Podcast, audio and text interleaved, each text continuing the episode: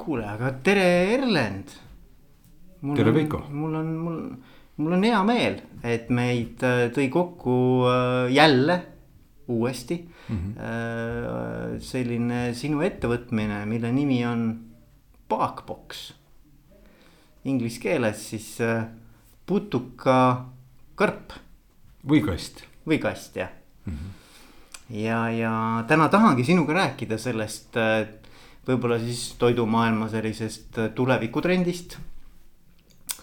ja et kuidas sa sinna jõudsid ja mida see kõik tähendab ja, ja, ja ma arvan, me saame ka siit rääkida natukene võib-olla sellisest missiooni poolest, natukene rääkida väärtustest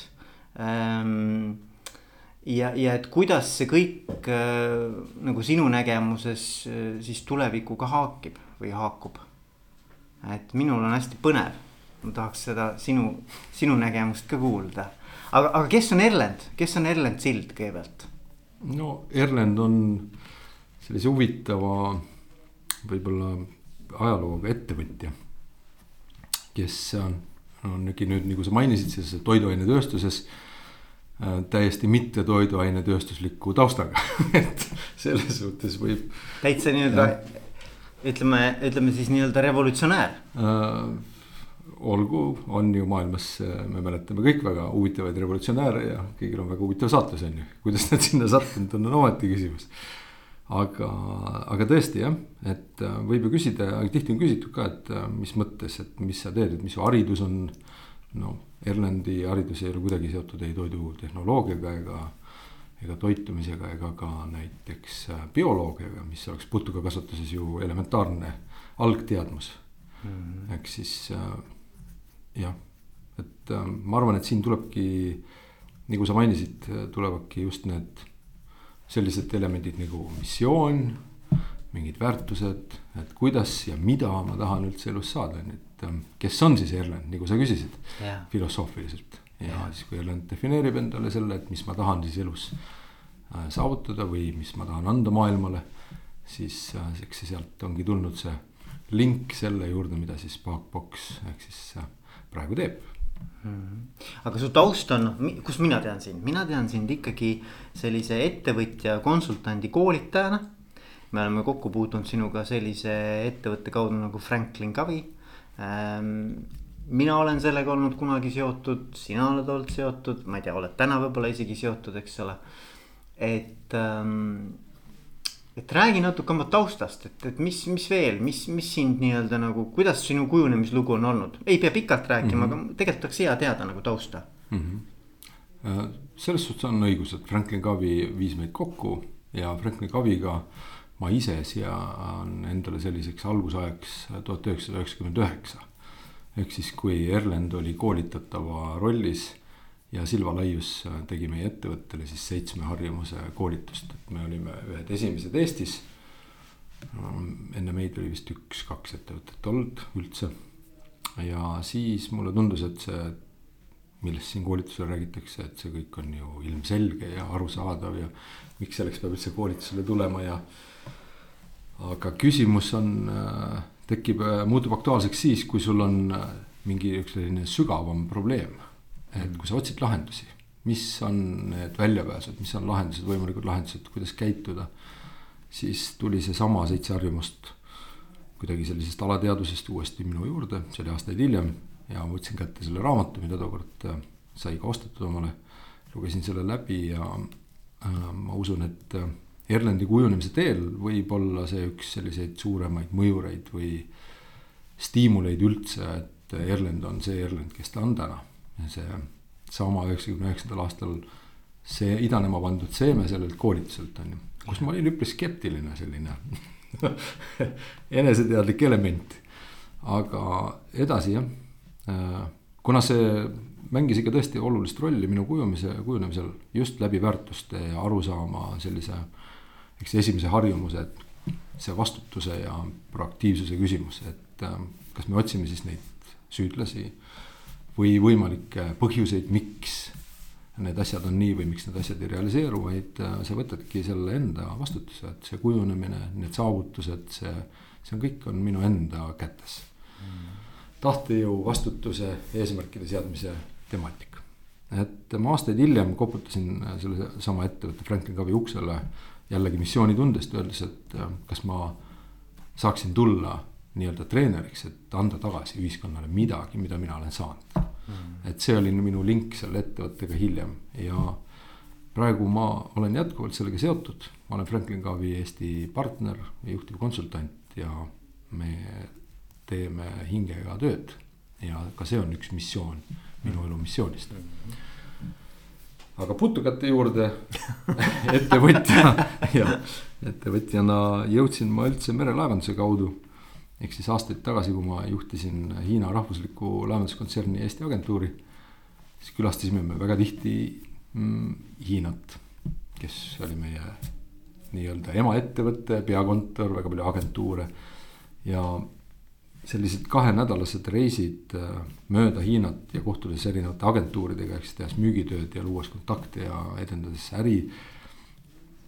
siis äh, nende käigus iga õhtu tegelikult oli meil erinevas siis paigas, erinevas restoranis alati selline ütleme nihuke slaavipärane rikkalik õhtusöök, sest me olime ikkagi tähtsad külalised ja kuna minu tiitel äh, visiitkaardil oli ka general manager, siis ma üldjoontes ma olin nendest tüüpidest seal nagu aste või kaks või kolm kõrgem, ehk siis see respekt või selline väljategemise vajadus oli väga suur. aga sealt äh, iga see õhtusöök tegelikult lõppes sellega, et seda, seda toitu lihtsalt serveeriti, serveeriti, seda ei jõutud ära süüa, uued käigud, rohkem toitu, kõike muud, noh, niisugune tohutu raiskamine. ja kui sa läksid õhtul siis restoranist ära, paar plokki eemal, põhimõtteliselt avanes sulle teine pilt, kus keegi tegi tänava peal lõkke peal süüa. keegi varastas kellegi tagant mingeid äh, toiduaineid, keegi sellesama restorani tagumisest uksest äh, varastas rupskeid seal, käis no, no täiesti selline nagu skaala teine ots on ju. ja ma huvi pärast tol ajal guugeldasin, aa ma lugesin äh, ingliskeelsest Hiina ajakirjandusest, et Hiina lansseeris kartulikasutusprogrammi põhjaprovintsides näljahäda leevendamiseks. hiinlased, kes ei ole kunagi kartulit söönud, saavad riisi, nagu me teame, nuudleid ja selliseid. ja mõtlesin, no tõesti nihuke nälg on siis juba noh, nagu riigis ja, ja kuidagi sattusin WHO kodulehele ja WHO andmetel kaks tuhat kolmteist samal aastal. Hiina tootis maailmas ühe kolmandiku maailma toidujäätmetest. ehk siis selline ebakõla oli midagi, mis äh, jällegi missioonitundega Erlendit kuidagi kõnetas väga sügavalt ja. ja küsimus oli selline selge, et äh, mida saan mina ära teha selleks, et äh, seda toitu siis mitte ainult Hiinas, vaid maailmas üldse, kus see tegelikult selline toitainerikas toit on üpriski ebaühtlaselt jaotunud, on ju. lisaks sellele, et teda on ka defitsiidis, on ju.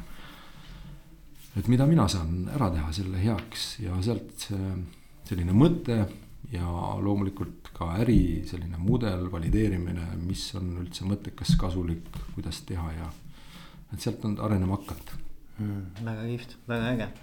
aga millal siis Backbox nii-öelda ideest reaalse, ma ei tea siis on, kuidas sa nimetad, tootmisettevõte või mis, mis ettevõte te olete, toiduainetööstus mm.? no Backbox juriidilise kehana sai asutatud kaks tuhat viisteist alles, kuigi see idee oli nagu valideerunud ennem. Äh, ja meie esimene selline niisugune suurem eesmärk või visioon oligi hakata tootma siis äh, alternatiivset loomset valku söödavatest putukatest, millest siis on sobilik seda toota. Äh, me avasime oma labori muideks Ida-Aafrikas, Ugandas, kus me oleme siis teinud palju katseid sellest kuidas siis teatud liike üldse kunstlikes tingimustes kasvatada ja millistele sellistele tingimustele peab siis see kogu protsess vastama. ja peaeesmärk ikkagi see, et kuidas seda skaleeritult ehk siis suuremahuliselt, tööstuslikult arendada välja see kasutust nagu keskkond. ja kuigi me tahtsime hakata esmaselt tootma seda valku, siis mingil ajal me saime aru, et tegelikult see ei ole enne võimalik kui on selleks loodud tehnoloogia. ehk mm. siis äh, ta peab olema midagi, mis on täielikult automatiseeritud. vastasel juhul lihtsalt selle tootmise omahind sellele alternatiivsele loomsele valgule, mis on kuigi tuhandeid kordi selline keskkonnasõbralikum ja väiksema ökoloogilise jalajäljega kui mingi tavapärane loomakasvatus seal betooni peal. et ta ei ole konkurentsivõimeline, kui ta on väga tööjõumahukas ja ebaefektiivne mm.. ja siis me muutsime oma ettevõtte nii-öelda fookust. Nüüd viimasel paari aasta jooksul oleme tõesti keskendunud ainult äh, siis tehnoloogia arendusele ja arendanud selle tehnoloogia juhtimiseks välja iseenda majasisese tarkvara, on ju, mis on mm. siis tegelikult annab võimaluse, et meie tehnoloogia ja käsitlus tegelikult on nagu real industry neli punkt null, et inimene tegelikult sinna ei sekku, et selle nii-öelda jutumärkides rohejäätme ehk porgandi mm, saabumisest kuni siis selle putuka jahuni ehk siis valgupulbrini toimub täisautomaatne protsess väga, väga võimas, nojah, ma saan aru muidugi, et, et seal need, see ongi nagu mahumäng tegelikult, eks ju. et, et äh, aga, aga mis siis noh, kui nüüd rääkida sellest, et äh,. et missugusena sa nagu seda tulevikku näed, et, et kui me mõtleme selle peale, et äh, ma ei tea, millal, millal, millal see nagu kogu see toidu selline revolutsioon, noh, minu jaoks on ikkagi suuresti mm -hmm. revolutsioon. nagu alguse sai ja kuhu see võib välja jõuda, eks ju, et mis on sinu nagu, kui te seda mõtlesite Pathboxi, te mõtlesite ka, et. et noh, et okei okay,, et kuhu see nii-öelda maailm jookseb, eks ole, et millise trendi noh, peale me nüüd, millise rongi mm -hmm. peale me nagu astusime, et mm -hmm. kuidas sa näed seda mm? -hmm ma tuleks natuke ajaloos tagasi, enne kui ma lähen edasi, eks. eks küsimus on suunatud tulevikku, aga selleks, et vastata objektiivselt, ma pean tulema natuke tagasi et ma küsin äh, sama retooriliselt näiteks USA-s selle nii-öelda maisi tarbimise äh, alguse hetke peale. et äh, põhimõtteliselt kana, mida sa sööd, on puhas mais, kõik äh,, kõik muud toiduained on, on kõik, enamus saadaolevatest on maisi baasil põhimõtteliselt. kas me oleks kunagi mõtelnud või Ameerika inimesed oleks mõtelnud, et vot nüüd meid tabab maisi ju, et kõik, kõik tooted lähevad maisi peal. või viiekümnendad, kuuekümnendad aastad, kus hakati tegelikult tarbima laialdasemalt ka mereande. nagu näiteks krevetid ja muu selline lihtsam, mis vanasti tegelikult oli rannaäärsete kalurite toit ja aristokraatiaga keskklass seda ei töö, ei söö ah,. Okay. Jällegi täiesti kardinaalne muutus, praegu see on normaalne osa meie toidulauast, eks mm.. krevetid on ju väga head.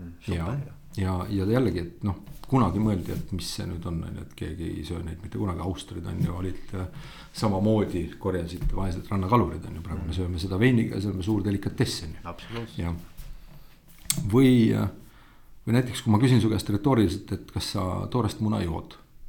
No ei joo täna, aga ma tean, et ja, juuakse. juuakse on ju mm, -hmm. aga kas sa sööd näiteks äh, toorest veiseliha, kui ta on laua peal, et lõikad. Äh, ja olen, olen, olen söönud jah. noh, tartarri me üldiselt nagu sööme on ju. ja olen söönud jah. aga kui see kala on sul, toores kala on laua peal, kas sa võtad noekahvli, tahad teda lõigata, ei noh, sa tahad teda töödelda, eks no.. pigem, pigem jah. kuigi jah jällegi see on selline paradigma muutuse küsimus, et me noh, igas linnajaos praegu võtta üle maailma on, igas linnajaos on oma sushi restoran, mis on väga populaarne me sööme toorest kala on ju, mm. teadvustamata, mida me tegelikult sööme on ju, sest ta on in, ta on kuidagi popp, ta on läinud selle subkultuuri mingiks osaks on ju. ja samamoodi liha on ju, kui ja, või muna, me sööme teda hea meelega, kui ta on töödeldud, eks, mingil moel, küpsis, aiake, küpsetis, pihv kotlet, äh, steik on ju, et me töötleme ja me sööme. no sama küsimus on tegelikult nende putukatega. et kui me mõtleme putukatoit, siis meil kajastub mingi rõve elukas laua peal ja jäkkfaktor hakkab tööle ja mõtleme, et no no way Erland, et see noh, ei lähe tead, et miks sa tegeled sellega. aga kui see putukas, siin on laua peal, kui sul on mõned tooted, et kui see putukast on toodetud sellise putukavalk ehk siis loomne valk ja ta on millegi sees mis aitab sellele asjale tõsta toiteväärtust. näiteks taimsed lihaasendustooted on ju mm. uh,. jah, Burger King müüb Impossible Burger, mis ongi ja. tehtud näiteks uh, taimse burgeri. ja nüüd uh, nad lansseerivad peagi ka sellise burgeri, sama burgeri, millel on siis putukajahu sees. ehk siis nad tõstavad selle burgeri toiteväärtuse samale tasemele mm. loomse valguga, eks, või, või Beyond Meat, eks ole. no see Beyond Meat tegelikult tarnibki sellele Burger Kingile okay., see ongi impossible okay., okay. see on, tema on tarnija selle okay,, nii et nad on omavahel seotud jah mm., aga suund on õige. et äh, iseenesest ta on üks ingredient, mis aitab säästa meil äh, tohutus äh, mastaabis tegelikult keskkonda. no vot, see on nüüd nagu ma arvan, et kuigi see ei vastanud mu küsimusele, eks ole aga, aga, aga minu arvates mul tekkis siin järgmine küsimus, et, et just see keskkonnateadlikkus ja kogu see jalajälje teema ja kogu see. no vot, vot, mind see teema ka väga põnev mm -hmm., noh, see on nagu hästi paeluv, et, et aga, aga kõigepealt. kuhu me võime kogu -hmm. selle trendiga välja jõuda, mis on nagu see nii-öelda wild uh,, wild vision? siis ma võtan need mõlemad küsimused kokku selle mõttega, et uh, jah hammustasin vist suure tüki aga, aga jah, ma olen sinuga nõus. see, see teema, keskkonnateema on üks oluline aspekt. me lihtsalt, kui me vaatame, kus meie elame, me ikkagi oleme harjumuspäraselt, võtame enda perspektiivist ja aspektist, eks, ja vaatenurgast, siis me elame lääne ühiskonnas sellises turumajanduslikus keskkonnas, eks, kus on nõudlus-pakkumise vahekord ja noh, seda me väevõimuga muuta ei saa, et see tähendaks turuparadigma muutumist. aga kuna meil praegu ju ei ole vajadust süüa selle nii-öelda, meil on piisavalt äh, liha, äh, erinevaid muid produkte, siis ka meil need putukatooted pigem on sellise uuend- või uudistoidu spektris, eks. ja selles keskkonnas, kus meie praegu oleme niisuguses turumajanduslikus keskkonnas, me pigem teeme selle valiku nüüd selle putukatoote või putuka jahu sisaldava toote kasuks just keskkonna aspekti silmas pidades. ehk siis meie enda keskkonnateadlikkus on see motivaator, miks me valime siis selle toote. Eh, kuna me teame, et ta on tervislik ja ta aitab säästa meil keskkonda, eks. ta on nagu kordades eh, vähem koormavam. samas piirkonnad, eks kolmas maailm, arengumaad vaatavad meid kummaliselt ütlevad, miks peab seda töötlema kuidagi, sest ta on ju naturaalne, ta on mm. nii hea, on ju. puhas proteiin. täpselt, et mm. ja, ega siis see proteiin ei kao ka meil ära kuskile. aga see keskkonnateadlikkuse aspekt on, on tõesti üks peamisi ja kui me läheme nüüd tuhandeid aastaid tagasi, võib-olla sellesse ajajärku, kus me veel nii-öelda elasime koopas ja, ja toitusime peamiselt korilusest, nagu me mäletame ajaloos on ju siis äh, tegelikult oli meie põhitoidus siiski olid marjad ja aga ka putukad. ehk siis see putukas oli meie loomse valgu allikas. ja seda söid meie esivanemad ikka pidevalt, noh, eks see maalid ja koopajoonised ei ole ainult mammut, on ju, nagu meile on selline meil narratiivselt kaasa antud, on ju. mammut oli ikka selline puhas a la carte, et seda, kui saadi, et see oli väga harv, on ju, ja sellest jah, jagus mitmeks ajaks, aga. aga noh, see ei olnud nii, et meil on nagu kõht koriseb, et lähme teeme ühe mammuti, tead noh, see võib-olla selline igapäevane dieet oli marjad, jah, mingid söödavad juured, taimed, pluss siis putukad on ju. noh, koore alt üraskid ja väga selline elementaarne, lihtne mardikad. ja putukad on, ma ei tea, üldistades siis ta on kõige liigirikkam äh, liik või üldse maailmas, neid on üle miljoni erineva liigi ja nad moodustavad kõige suurema kaaluga biomassi kogu maakera olevast sellisest noh, tervikust.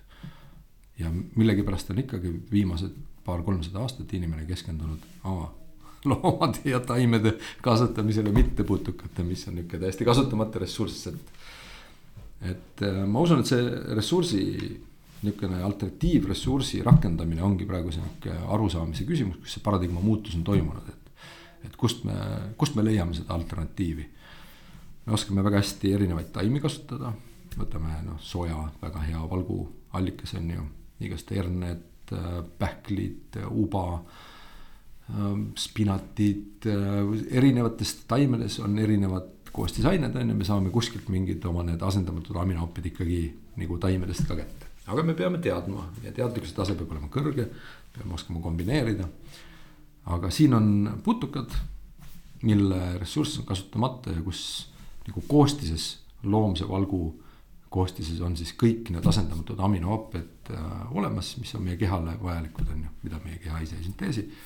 pluss siis B kaksteist vitamiin, erinevad muud ühendid, raud, tsink ja kaltsium ja, ja muud mm. -hmm. ja siin on uuringud, mis kinnitavad, et ta on inimorganismile paremuselt teine omastatav äh, valk peale munavalge on ju. seda ma ei teadnud. jah mm., et järelikult see on noh, viitab sellele minu väitele, et me koopa inimestena tegelikult oleme harjunud sööma, et see, need olid ikkagi ju väga pikad perioodid, kui me olime sellel tasemel ja kus siis meie põhidieet võib-olla siis oligi putukad on ju, nagu mm -hmm. võib arvata. et me organism on lihtsalt harjunud sellega. aga ikkagi, Erlend, kuhu, kuhu see trend võiks välja jõuda? no võtame mingi, ma ei tea, viis, kümme, kakskümmend aastat, viiskümmend aastat mis, mis su nagu selline metsik nägemus on sellest asjast? ma arvan, et see on täiesti loomulik äh, osa meie igapäevadieedist juba paari-kolme aasta pärast, et see kakskümmend, kolmkümmend aastat äh, nõus, aga lihtsalt see kogu see tehnoloogia kasvatamise printsiip ja need muganduvad. Eks kui me praegu vaatame, kui palju on üldse nagu loomafarme maailmas on ju noh, mingi lugematu arv on ju siis äh, miks ei võiks olla putukafarmid täpselt samamoodi seal kõrval või siis osa sellest on ju. et ma usun, et ega traditsiooniline loomakasvatus ju kuhugi ei kao, nagu ei kao ka sisepõlemismootoriga masinad et see, see kõik jääb, on ju, jah yeah., tulevad elektriautod, säästvamad on ju, magnetkõljurid on ju. Äh, samamoodi jääb ka loomakasvatus traditsionaalne ja mitte, et mul oleks midagi loomakasvatuse vastu, et kui me vaatame praegu, kuidas maheveiseid äh, kasvatatakse avatud maastikel, tänu millele meil taastuvad jällegi puisniidud ja ranniku rohealad ja kõik muu. see on äh, suurepärane, aga lihtsalt see, kuidas loomi kasvatatakse betooni peal ja milline tööstus see on. see on midagi, mida me peaksime vältima, ehk siis see on ressursi selline kahjulik tegevus mm.. ehk siis no näiteks numbritest, et äh, Euroopa impordib seitsekümmend protsenti loomasöödast, kust see tuleb, Ladina-Ameerikast ja selle põhikoostis on soja, eks. et iga farm, mida me tegelikult Euroopas rajame, tähendab seda, et Ladina-Ameerikas võetakse kuskil maha mingi osa vihmametsa, et rajada suuremat sojakasvatust, ehk siis nõudlus, pakkumine, vahekord on ju. Mhm. et äh, me raiume ise seda, äh, ise seda oksa. Aga Euroopa üldiselt me ikka harjume selles oma kontekstis, Euroopa on väga väike tegija, et kui meil Euroopas on kogu populatsioon on alla viiesaja miljoni midagi, nelisada pluss. siis äh, hoopis teine lugu on, kui me vaatame Aasiasse ja näiteks meil juba jutuks olnud Hiina. siis Hiinas arvestatakse keskklassi juba üle viiesaja miljoni ja keskklassi inimene on põhimõtteliselt see siis, kes äh, elab omaette korteris siiski, ta liisib autot, ta käib väljas söömas, äh, eks. Hmm. aga tema tahab olla ka nagu lääne inimene, süüa noa ja kahvliga mitte pulkadega võib-olla ja süüa steiki, eks. Mm.. aga kust see steik tuleb? Hiina on maailma suurim seakasvataja. Mm.. Hiina on ka maailma kõige suurem sealiha importija. Ja ta ikka ei suuda oma vajadusi ära rahuldada, ehk siis noh, see, see valik on seal, mitte ainult see globaalne populatsiooni kasv, aga ka urbaniseerumine keskklassi kasv, rahva üleüldine heaolu kasv on tegelikult need mõjurid ja tegurid miks me oleme sunnitud otsima neid alternatiivseid allikaid, et seda nõudlust äh, ja vajadust rahuldada mm. -hmm. aga okei okay., te läksite Ugandasse, miks Ugandasse? no sellepärast äh, ma teen ka intervjuud siin, sellepärast et ma tunnen Veiko Valkjainenit, et no järgi sa tunned kedagi ja kuskil siis need niidi otsad ja lingid viivad kokku, et mm. äh, nii ta oli, jah. ehk siis see professor ehk siis entomoloog, kellega Erlend äh, kohtus äh, minul ju neid teadmisi ei ole, nagu sai ka disclaimer tehtud päris alguses. temal tuttav professor oli just äh, Ugandast. Äh, Kampalas asuv Makerere ülikool ja siis selle bioloogia instituudi äh, üks, üks juhtivtegelastest, jah. ja tänu temale siis see Soome professoril õnnestus välja ajada meile üks tühi hoone siis Makerere ülikooli kampuses, mis on paarkümmend kilomeetrit äh, Kampalast siis, Uganda pealinnast. ja seal on tehtud jah, päris palju sellist kasulikku teadustööd siis, mida me saame rakendada nüüd A oma kasutustehnoloogia rajamisel ja B ka tarkvara arendamisel, ehk siis mida tegelikult need putukad vajavad, on ju. et äh, Veiko, kui sa soovid hakata kasvatama söödavaid putukaid Eestis, milleks nüüd luba on olemas, kaks nädalat tagasi ametlikult võid sa seda teha. selles mõttes nii-öelda. just. ahah, räägi, räägi paari lausega sellest, ühesõnaga ma saan aru, et on antud äh, riiklikul tasandil ja., jah. Eestis võib nüüd kasvatada kaheksat liiki putukaid inimtarbimiseks. kui sa järgid siis vastavaid reegleid, mis ja need tingimused ja reeglid on veterinaar, ütleme põllumajanduse veterinaaraameti kodulehel ja siis ka Eesti Putukatööstuse Liidu kodulehel näiteks olemas. et võib ja need on kaheksa liiki. Ja kaheksa liiki sellepärast, me enne mainisime, et meil on miljon liiki miks mitte kõiki, siis äh, see on ka elementaarne, et putukad on ju tegelikult noh, ta on toiduahela kõige alumine osa, eks, on ju. ja enamus sellest miljonist on ju üritavad ka kuidagi survive ida, on ju, ellu jääda, on ju, et nad on, mingi kaitsemehhanism on neil kõigil seal olemas enamusel. eks nad on A kas mürgised või nad ei kõlba süüa või nad tekitavad mingi reaktsiooni sul või nad nõelavad sind või või hammustavad või mis iganes, plahvatavad et jah, et sööda või putukatega on tegelikult sama, et see tuleb ikkagi teada, mida sa mm. sööd. aga ütleme niimoodi, et noh, kui me vaatame laua peale, ma pärast proovin ka, ma kohe räägin, mis maitsega on ja kõik. on ju, teeme mingi väikse testi minuga siin et äh, ma ei ole päriselt, ma ei ole, ma ei ole proovinud, aga see on väga huvitav, ma arvan, et see on nagu kihvt. aga siin on nüüd kilk, kilk on see nii-öelda koostisosa. kilgijahu kilgijahu, eks ole, meil on siin kilginäkileivad ja meil on tervislikud hommikukrõbinad, samamoodi kilgivalgust mm. -hmm aga räägi mulle, mis veel, milliseid putukaid veel, mis need kaheksa, ei pea kõike ütlema mm, -hmm. aga mhm. mis need põhilised on?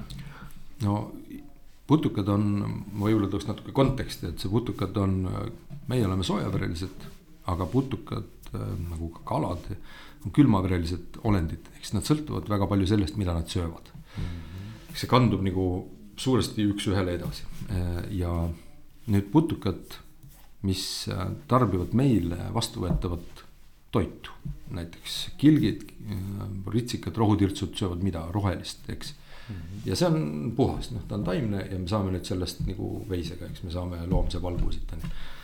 siis nemad sobivad inimtoiduks kõige paremini, ehk siis nad söövad midagi, mis sobib meile äh, üks-ühele mm. -hmm on putukad, mida võib kasutada loomasöödaks. ja need on üks liik kärbseid mm,. tal eestikeelset vastet väga hästi ei olegi, inglise keele nimi on black soldier fly. Äh, mis äh, kasutab oma vastsete järglaste, ütleme siis nii-öelda tootmiseks. niisugust lagunevat biojäädet, eks. ja nüüd äh, ringmajanduslikust aspektist on see üks parimaid võimalusi midagi taaskasutada, mis on meie jaoks täiesti kaotsi läinud, eks kõik nende koolide, haiglate, restoranide, kaupluste halvaks läinud või parim enne mööda läinud äh, stuff mm.. saab panna kuhugi, kus ta laguneb, ta mädaneb ja siis tuleb üks kärbes, kes muneb sinna mune. ja sellise munast sirgub siis see vagel, siis see vagel sööb ära selle biojäätme sees kõik, mis talle vähegi meeldib. ja temast saab nagu puhas proteiinipomm, eks mm. -hmm. seda inimesele nüüd äh, sööta mm, ei hästi ei ole nagu hea mõte, miks, sest öeldakse, et no vot me ei tea, kas äh, näiteks mingi lahtise tuberkuloosiga inimene on söönud mingi šnitslit kuskil restoranis, ta on sinna köhinud selle šnitsli peale, see on läinud sinna jäätmesse. ja kas see nüüd kandub läbi selle muna ja selle vastse nüüd uuesti, kui seda kärbsevastset süüa selle valguna nüüd uuesti inimesele. siis äh, noh, öeldakse, et seda on võib-olla veel liiga vähe uuritud on ju, et seda nagu absoluudi okay. tasemel. et see sööda küsimus aga loomasöödaks sobib ta suurepäraselt. aga, pe aga peale kilgi nüüd? kilgi on ka jahuussid ehk siis jahumardika vastsed, see on niisugune must jalaga mardikas, mis muneb samamoodi muna ja sellest tuleb vagel, kes siis sööb enda ümber ära ja tema tavaliselt sööb sellist jõusöödalaadset mm, noh, sisendit, sööta mm.. ehk siis jällegi väga mõttekas ringmajanduslik mudel, kus sul teravilja näiteks kasvatamisel on kõrgema klassi teravili, natuke madalama klassi teravili. mingist hetkest võib-olla see teravilja, kas niiskussisaldus või ta äh, kvaliteet pole enam nii hea, et teda võib-olla tasuks müüa, vaid tasuks hoopis väärindada koha peal, ehk siis jahvatada ära ja sööta jahumardika vassetele, millest saab siis väga kõrge valgusisaldusega selliseid äh, ussikesi, mida sööta jällegi lindudele, kaladele, loomasöödaks on ju. ja sobib ka inimtoiduks, ehk siis jällegi see sisend on meile ohutu, noh teravili mm. -hmm loomakasvatuse ja inimtarbimise peaparadoks, eks me konkureerime samale sisendile, teraviljale, eks. et loom tahab seda saada, siis me tahame loomast liha saada, aga me tahame ka ise seda teravilja, leibasaia, jahutooteid on ju. et siin on see tegelik mhm. selline vastuolu. aga sääsed näiteks? no mul on, oli kunagi üks selline ettevõtja kogemusest, et mul oli üks äh, reisi, selline kohalik reisiettevõte, kus me korraldasime matku ja kanuumatku ja. mul üks matkajuhtidest oli kõva matkamees ja tema matkas, tema on ka Soome lõunatipust põhjatipuni jalgsi läbi kõndinud. tema ütles, et Karjalas on augustikuus võimalik teha sääsesuppi väga lihtsalt, lihtsalt õhust tõmbad peoga ja, ja paned potti ja vett peale ja saad sääsesuppi, et äh, Eesti ühed äh, võib-olla sellised tuntumad ja populaarsemad äh, putuktoidulised on tegelikult mootorratturid, eks, suvel, rõõmsad mootorratturid, eks ja kes siis jah, sääsk kindlasti. aga, aga sääsk on puhas proteiin ju tegelikult mm,. enamus putukaid on puhas proteiin jah mm, -hmm. aga sääsekasvatus ei ole. ta on liiga väike või? ta on väike ja ta on väga lühikese elutsükliga, eks, olgem ausad, et kui me võtame näiteks Eesti kontekstis Eesti rohutirts, on ju, mis äh, me kõik oleme näinud, päris pirakas mm. -hmm. ja tundub selline hea saak yeah.. tööstuslikuks kasvatamiseks jällegi ta ei sobi, miks, sest tal on teatud hibernatsiooni ehk siis talveune periood, eks. ta on harjunud selles kliimavöötmes äh, talvituma. me oleme katsetanud, proovinud teda manipuleerida Äh, temperatuuri kõikumisega, et sa lased temperatuuri alla, tõstad üles, kas see reproduktsioon hakkab tööle, kas munast tuleb vastne, nüüd ei tule. Teinekord tuleb, teinekord ei tule, et ega ta loodust ikka lollitada on keeruline. et mhm. lihtsam on keskenduda sellistele liikidele, mis on võimelised äh, kolmsada kuuskümmend viis, kakskümmend neli, seitse sööma, kasvama, reprodutseerima. hästi kiiresti. just mm, -hmm. et see on see nagu point, et kui ma üldse alustasin, siis minu esimene idee oli termiidid, ehk siis mulle tundus, et äh, kirjanduse kõige puhal, et termiidid on ühed parima sellise noh, toiteväärtusega mm, satikad. Ja, aga nende kasvatamine on ilmselgelt natuke komplitseeritum kui nüüd äh, näiteks kilkide kasvatus mm -hmm.. kusjuures Ugandas kohalikud teadsid rääkida, et tegelikult kõige maitsvamad termiidid on need, kes lendavad öösel ühe ja kahe vahel.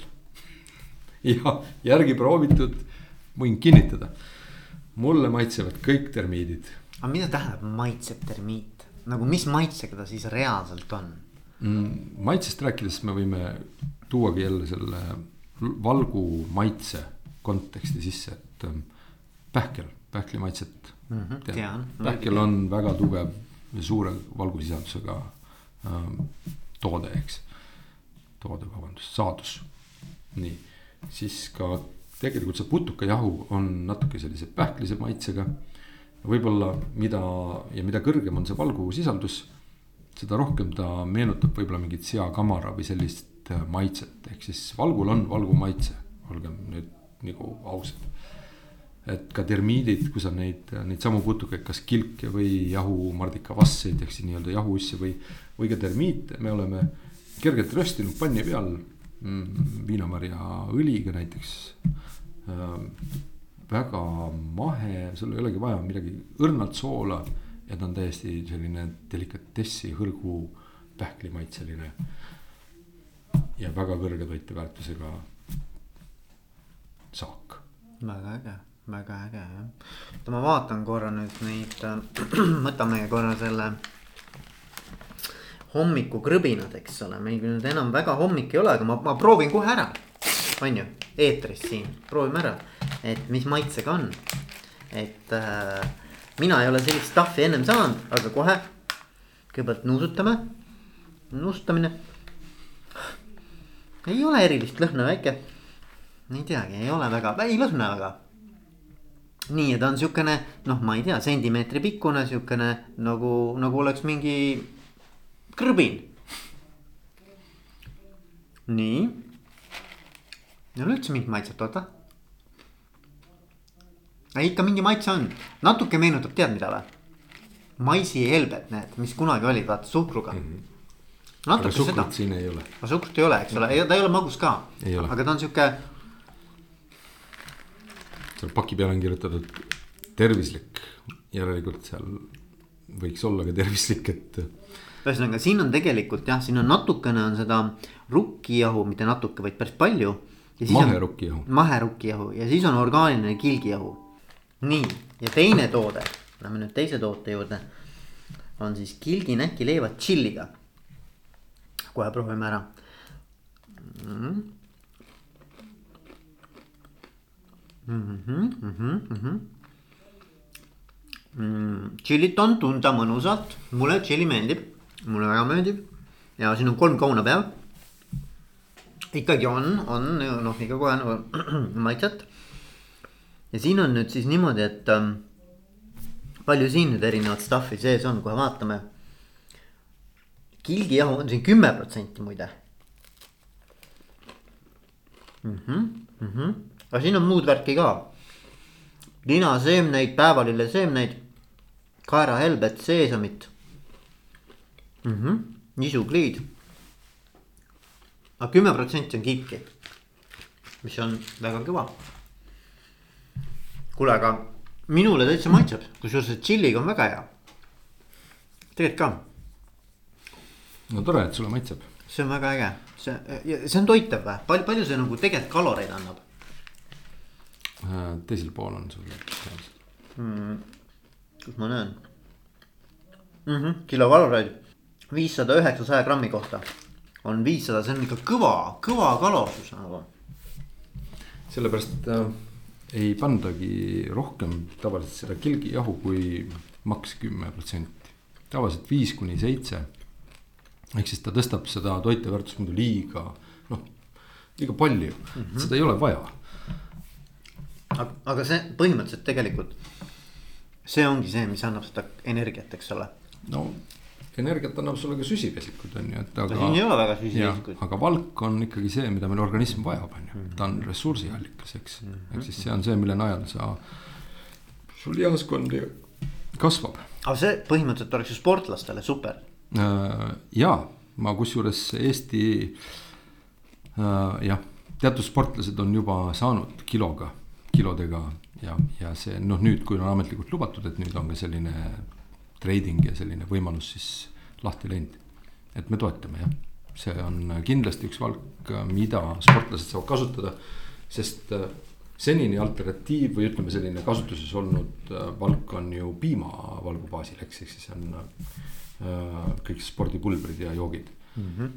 aga noh, võiks ju olla puhas loomne valk, et sa ei pea nagu piimast, sest piimavalgu tööstuslik tegemine, jälle piimapulbri tegemine on väga-väga nagu ressursimahukas, kui palju tegelikult vett ja magedat vett selle äh, jooksul kasutatakse või selle protsessi käigus. ma olen täiesti veendunud, tegelikult see vesi ei lähe nagu otse tagasi maasse, vaid see läheb nagu ringlusesse, seda puhastatakse ja sest see noh, ressurss on päris suur. aga putukate kasvatamisel saadakse see valk minimaalse ressursi kaoga, ehk siis näiteks vett kulub kilo, ütleme see ühe kilo pulbri saamiseks kulub see mõni gramm vett ainult noh. Mm -hmm.. et see, see on põhimõtteliselt olematu ressurss, mida selle putukate kasutamiseks äh, me tarvitame. väga äge, mina ütleks, et mina seda stuff'i sööks hea meelega. nüüd kõige suurem, mis on kõige suurem takistus, on ikkagi inimeste mingisugused sellised äh, noh, mingid, mingid nagu sellised nagu emotsioonid, mingid nagu stereotüübid, mingid müüdid, mingisugune mingi sisetunne, mis tekib selle mõttega, et selles on putukas. et noh, mingisugune vastuolu, eks ole mm, -hmm. kas see on see põhiasi, millest tuleb nagu üle saada või, või mis, millega sina oled nagu maadelnud mm? -hmm. no see on kindlasti nagu globaalses mastaabis, kui me võtame tervikuna, siis see seal on ka oma nimetus on jack factor. Jack factor. jah, et see on nagu suurim mõjur.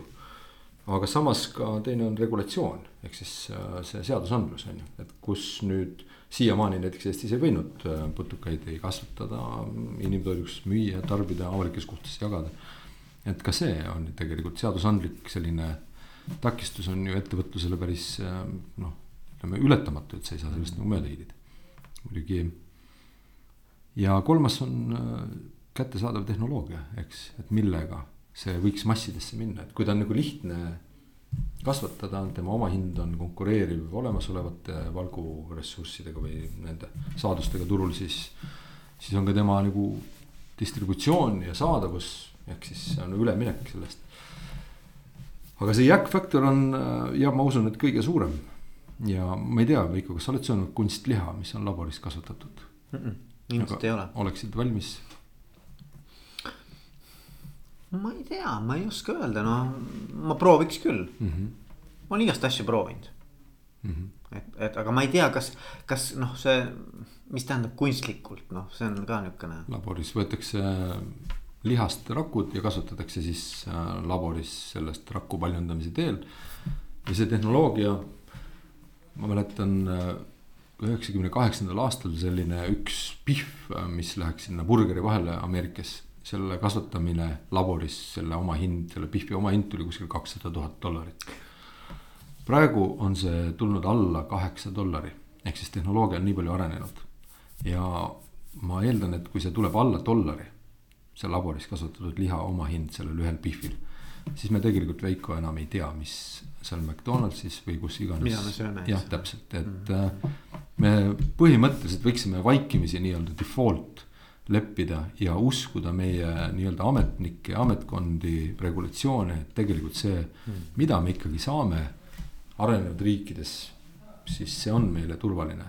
et hmm. tegelikult ei ole vahet, kas ta on siis kasvatatud seal, kindlasti tuleb selline gurmaanlus mm.. Et vaata, kuidas me valime tegelikult veine ja, ja hmm. vanu viskisid ja single malt versus blended mm. ja. et see teadlikkus kindlasti tarbijatel jääb ja vaadatakse ja otsitakse ja minnakse seda noh, nii-öelda naudingu teed. või, või siis me ütleme, et aga see keskkonna aspekt on minu jaoks olulisem, et me teeme selle valiku siin. et meile ei meeldi, kuidas meie looduse ressurssidega ringi käiakse ja, ja milline tegelikult kulu on sellel ühel pihvil. Versus see, et on tehtud kuskil, kas siis äh, taime baasil asendustootena, mille toiteväärtus, maitse ja kõik muu on sama. või ta on siis see originaal või laboris kasvatatud, eks mm et ta, ta liigub niikuinii sinna, kus neid variatsioone meie nii-öelda menüüs tekib juurde. ja, ja ma arvan, et see eetiline faktor on ka, eks ju, suur, suur, suur osa sellest, sellest liikumisest või noh, trendist, et. Et inimestele tegelikult ikkagi meeldib pigem nagu kaasa aidata sellele, et me noh toimetame oma keskkonna ja ümbruse ja, ja kogu looduse ja, ja, ja sellega ikkagi nagu kuidagi humaanselt või, või mm -hmm. kuidagi nagu hoidvalt, eks ole, ringi, et ma arvan, et see on trend, mis kindlasti ei, ei muutu mm. -hmm. ma olen nõus ja selle tunnistust või seda toetab ka meie suurim nii-öelda fännklubi tegelikult Putukakasvatuse Liidul ja meie tegemistel on, on kes, on taimetoitlased. -hmm. ehk siis inimesed, kes tegelikult väldivad nagu loomse liha tarbimist selle tõttu, et nad teavad, aa, keskkonna sellist koormuslikku aspekti teiseks neile ei meeldi võib-olla, kuidas need loomad, mis tingimustes nad elavad, kuidas neid käideldakse, kuidas need, kogu see protsess sinna tapamajja ja selle liha. stressitase ja kõik muu on ju, aga samas nüüd siin putukate, putukatest saadud valgu üle on neil väga hea meel. ja seda nad tarbivad nagu rõõmuga, sellepärast et noh, see keskkonnaalane aspekt on hoitud. ja samas siin ei ole ka mingit stressi, mingit sellist käitlemislikku äh, konflikti, on ju et äh, se sellega ma olen nõus, jah. Mm. ma arvan, ma arvan, et see on jah, üks suur, suur osa sellest äh, kogu sellest muutusest ka, mis, mis ma arvan, et on nagu praegu veel hoomamatu, et me, me isegi ei hooma, kui noh, kuidas see läheb, aga ma arvan, et see on päris suur muutus, mis on praegu nagu alguse saanud mm. -hmm. et ähm, äge, väga äge, et sa sihukese asjaga tegeled, Erlend. ja, ja et isegi Eestis on, ma saan aru putukatööstuse liit või? tõsi, selle me asutasime neli aastat tagasi mm,. ja, ja see on täiesti jah, see on putukatööstuse liit on siis nii-öelda katuseorganisatsioon. kes siis hõlmab endas Eestis putukakasvatuse, tehnoloogia arenduse, toodete arendusega tegelevaid ettevõtteid mm. -hmm. ja me oleme ka kuidagi katusorganisatsiooniks või ühendanud endas siis neid nii-öelda uuendtoidu entusiaste, kes siis tahaksid kuidagi ökoloogilist jalajälge vähendada ja, ja midagi uut ja sellist innovatiivset ähm, jah, maitsta, panustada, katsetada, et ka nemad on aga, aga, meil. aga kas noh, mina mõtlen kohe näiteks sellele, eks ole, et on igasugused nagu smuuti baarid ja on mingisugused sellised nagu spetsiifilised, siuksed natuke eksklusiivsemad kohad, eks mm. -hmm. miks me ei teeks nagu mingi ma ei tea, putukatoidubaar, noh mm -hmm., see nimi on halb, aga saad aru mõttest, eks ole, et seal pakutaksegi nagu seda stuff'i mm. -hmm ma arvan, et sel ideel on kindlasti jumet ja kuigi ma pean tunnistama, et see ei ole üldse originaalne maailmas, et kindlasti mitte. jah, näiteks äh, Jaapanis äh, Tokyos, kus ma aasta tagasi just Facebook tuletas meelde, käisime, siis seal Shibuya ristmiku ääres on üks äh, putukabaar ja kus on müügil ka muideks kilgiõlu ja, ja siin ma tunnistan, et meil on käinud esmased läbirääkimised, et me oleme seda ideed siin valideerinud juba teatud õlletootjaga, et. et nüüd on selleks nagu ka seaduslik alus, et äh, me võime. aga, aga äh, kurat, see kõlab jube hästi, kuule Erlen, Baakbaar Baakbaar ja. see on, see, ma arvan, et siin on oma, selle peaks praegu ära treidima selle, selle nime, et see Baakbaar oleks nagu mm. -hmm see on ka niukene noh, sihuke catchy vaata. ma usun, et kui me selle viiruse nüüd seljatame ja meie selline ööelu ja sotsialiseerumise võime taastub nagu samm-sammult, siis selline, sellised uudsed lahendused ja lähendamised. Ma ei ole väga veendunud, et me läheme täpselt samasse mudelisse tagasi, et meil on need nimega ja nimeta baarid ja, ja siis on õllerestoranid ja. et me nagu igatseme neid, ma arvan, et kindlasti tuleb palju selliseid uusi innovaatilisi või natuke teistsuguseid lähenemisi miks mitte ka baakbaar, on ju, kus, mis on nüüd seaduslikult täiesti võimalik, seal saab äh, putukast näkke pakkuda õlle kõrvale. muideks, see, kes selle idee siit praegu üles korjab, kui see ise ei ole Veiko siis äh, näiteks Ugandas professoriga me oleme mõlemad suured õllesõbrad ja õhtuti tavaliselt võtsime päeva kokku ja tegime uue päeva plaanid õllega ja selline jahe õlu Mm, sellises Aafrika kliimas on äh, üldiselt nagu nauditav on kergelt öeldes. ja siis me lasime emandal, kes meil hoolitses seal korra ja toidu eest, kohalik äh, selline maadamm. lasime emandal siis alati meile natukene röstida neid kohalikke ritsikaid pannil.